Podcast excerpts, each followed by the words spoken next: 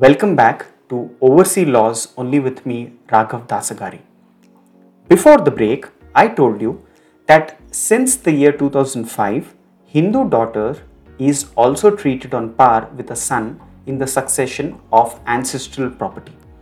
For all the registered partitions that have taken place on or before 20th December 2004, the Hindu daughter cannot stake a claim, but whereas in all other cases she can. Now let's move to another interesting case study the story of Deepika. Now, Deepika was born in a educated middle class family. She got married to the love of her life, and her husband hailed from a very affluent business family. Deepika served as a dutiful wife and a caring mother of her two children.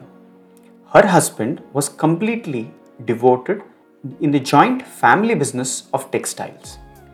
Deepika, with her husband and children, lived in the joint family house, occupying one floor of the family house which was shared with the other relatives.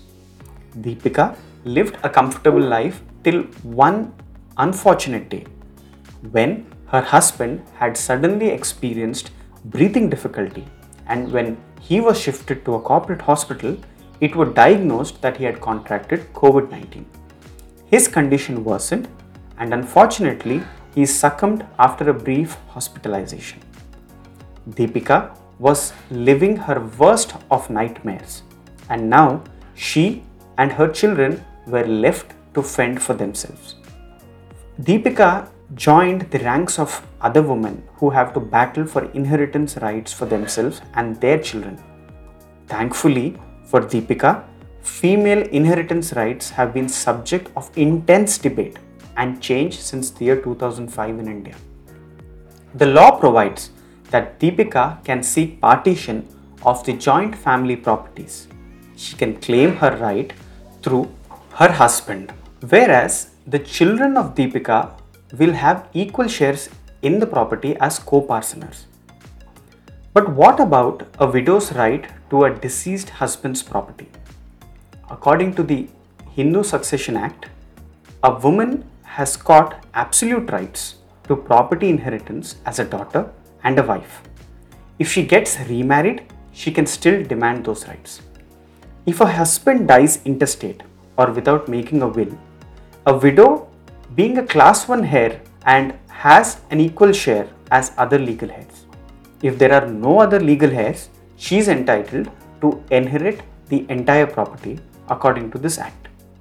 In this position of title holder, she is entitled to sell the property later without taking consent of the other legal heirs. A daughter in law has the right to stay in her in law's house. So, legitimately, Deepika and her children have equal rights to her husband's property, just like his parents and siblings. Once she receives her share, she is entitled to sell it too However, as every woman in this instance, the struggle is long and bitter, and she is forced to stay in the same share, shared household in a non congenial situation till the case resolves itself. Let us now try to understand what rights do women have over their husband's properties. Hindus, Buddhists, Jains, and Sikh women the property of the husband is equally divided between the wife and the children. Widowed women also have equal rights to their predeceased husband's properties as their children. If alimony and maintenance are settled, divorced women will have no claim over the property of the former husband, even though their children do. On the other hand, Muslim women are entitled to one eighth of the share of the predeceased husband if they have children and one fourth if they have no children. Similarly, Christians, Parsis, and Jew receive one third share of the predeceased husband if they have children and half of the share if they don't have children. The case is different in case of an unmarried woman. Once the woman has inherited the property either as a co-parcener in her father's property or, or as a class 1 heir in her husband's property, the battle continues. In a recent judgment of the Indian Supreme Court, where the court ruled that a woman can bequeath her property to her own family, even if it, if it has been inherited from her husband's side. Upon her death, it can be inherited by her father's heirs. This case came up for hearing in a recent instance where a woman entered into a oral family settlement with her family members. The property that she was settling with her family was inherited from her husband. Her husband's family challenged, indicating that her father's heirs were strangers. The Supreme Court gave a verdict allowing the settlement, saying these heirs were inheritors according to the Indian Hindu Succession Act and therefore was a reinforcement of an existing clause. So, what happens to the property of a Hindu woman who dies intestate? If the property is self acquired or inherited, inheritance laws are different in the case of a married and unmarried woman.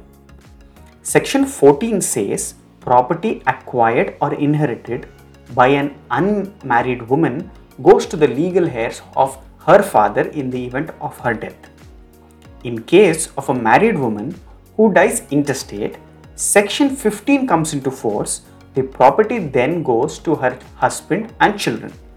The woman's mother and father come in next in the succession ladder, and then the legal heirs of the husband. There is a paradigm shift through the amendment brought in the year 2005, where Hindu women are given equal share as a son in the co-parcenary property. Even before the parliament brought this change in the year 2005, some states had already brought these changes such as Andhra Pradesh, Karnataka, Maharashtra and Tamil Nadu. Take for the example of the state of Andhra Pradesh, this change in law had been actually brought in the year 1986 itself. Now let's discuss about the recently celebrated judgment of the Supreme Court which declared that the woman with her birth has an equal share in the father's property in line with the son. So what is this ruling that everyone in India has been talking about? Recently in 2020, a three-judge bench headed by Justice Arun Mishra ruled that a Hindu woman's right to, to be a joint heir to the ancestral property is by birth and does not depend on whether her father was alive or not when the law was enacted in 2005. The Hindu Succession Amendment Act of 2005 gave Hindu women the rights to be a co-parcener or joint legal heirs in the same way as a male legal heir does. Now, what is the 2005 law? So, under the Hindu law, there are fundamentally two main schools of thought. One is called the Mitakshara school of thought, and the other being the Dayabhaga school of thought. Predominantly, Mitakshara school of law applies to India, whereas the Dayabhaga school of law is confined to the state of West Bengal and other pockets. Now, the Mitakshara school of law, which is codified as the Hindu Succession Act of 1955, 56, I beg your pardon, governed succession and inheritance of property but only recognized males as legal heirs. This law applied to Hindus, Buddhists, Sikhs, Jains, and followers of Arya Samaj and Brahmo Samaj. In a Hindu undivided family, several legal heirs through generation can exist jointly. So, traditionally, only male descendants of a common ancestor along with their mothers, wives, and unmarried daughters, were or are considered as a joint Hindu family. The legal heirs hold the family property jointly. Women were recognized as co parceners or part of or joint legal heirs for partition arising from the year 2005. Section 6 of the Act was amended that year to make a daughter of a co parcener also a co parcener by birth. In her own right, in the same manner as the son. The law also gave the daughter the same rights and liabilities in the co-parcenary property as she would have had if she had been a son. The law applies to the ancestral property and to intestate succession in personal property where succession happens as per law and not through a will. Now I'll tell you how did this case came about. While the 2005 law granted equal rights to women, questions were raised in multiple cases on whether the law applied retro- retrospectively and if the rights of the woman depended on the living status of the father through whom they would inherit. Different benches of the Honorable Supreme Court had taken conflicting views on the issue. Similarly, different high courts had also followed different views on the of the top court as binding precedents. So, in view of these conflicting opinions, there was a reference to a larger bench, that is, a, a bench comprising of three honorable judges came to decide this conflicting opinions. The ruling now overrules the verdicts which was passed in 2015 and 2018 and it settles the law and expands on the intention of the 2005 legislation to basically remove the discrimination as contained in section 6 of the Hindu Succession Act, Act by giving equal rights to the daughter in the Hindu Mitakshara co-parcenary property as the sons have. Now how did the court decide the case? The court looked into the rights under the Mitakshara co-parcenary since section 6 creates a right by birth for daughter of the co-parcener, the right cannot be limited by whether the co-parcener, that is the father, is alive or dead when the right is operationalized. The court said that the 2005 amendment gave recognition of a right that was in fact accrued by the daughter at birth. The conferral of a right is by birth and the rights are given in the same manner with incidents of co-parcenary as that of a son and she is treated as a co-parcener in the same manner with the same rights as if she had been a son at the time of birth. The court also directed high courts to dispose of cases involving this issue within 6 months since they would have been pending for years together. Now, moving to the concluding part of my talk show. According to the existing laws, a Hindu daughter has the same right as a son over the property of a father. It has been more than 15 years since the amendment to the Hindu Succession Act has been brought. But a lot of women, even the educated ones, are in the dark about their rights over ancestral property. It is a common notion amongst most that a fancy marriage and sovereigns of gold are what the daughter can expect at best.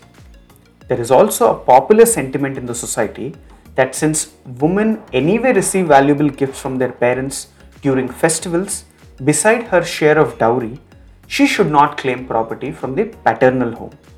How does one address this issue? So, it is uh, this is basically a patriarchal strategy. Parents or brothers shower her with gifts at her marriage and exclude her from the big picture. But a woman is entitled to the properties of both her husband and her father. It is ironic how men expect their wives to bring property from paternal homes but are not willing to give the legitimate share to the sisters. I hope this talk show has been useful to you. Thank you for joining me. This is Raghav Dasagari on Overseas Laws only on Radio Nyra, Raleigh, Durham. Broadcast on three frequencies 99.9 FM HD4, 101.9 FM, and 1490 AM. If you have any questions or suggestions, you may WhatsApp me at 919 294 4800. Catch me on every Sunday evenings only on Radio Nyra, Raleigh, Durham. Until next time, stay safe.